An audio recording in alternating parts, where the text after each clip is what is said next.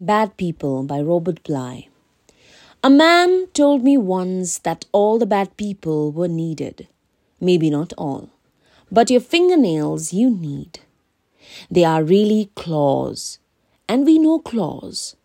The sharks, what about them? They make other fish swim faster.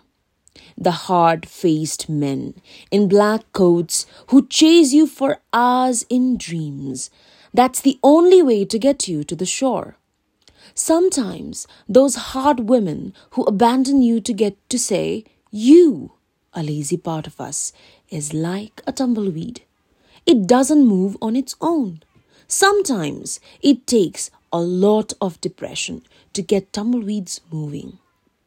Then they blow across three or four states. This man told me that things work together Bad handwriting sometimes leads to new ideas.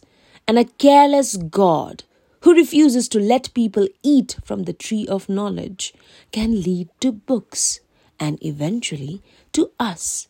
We write poems with lies in them, but they help a little.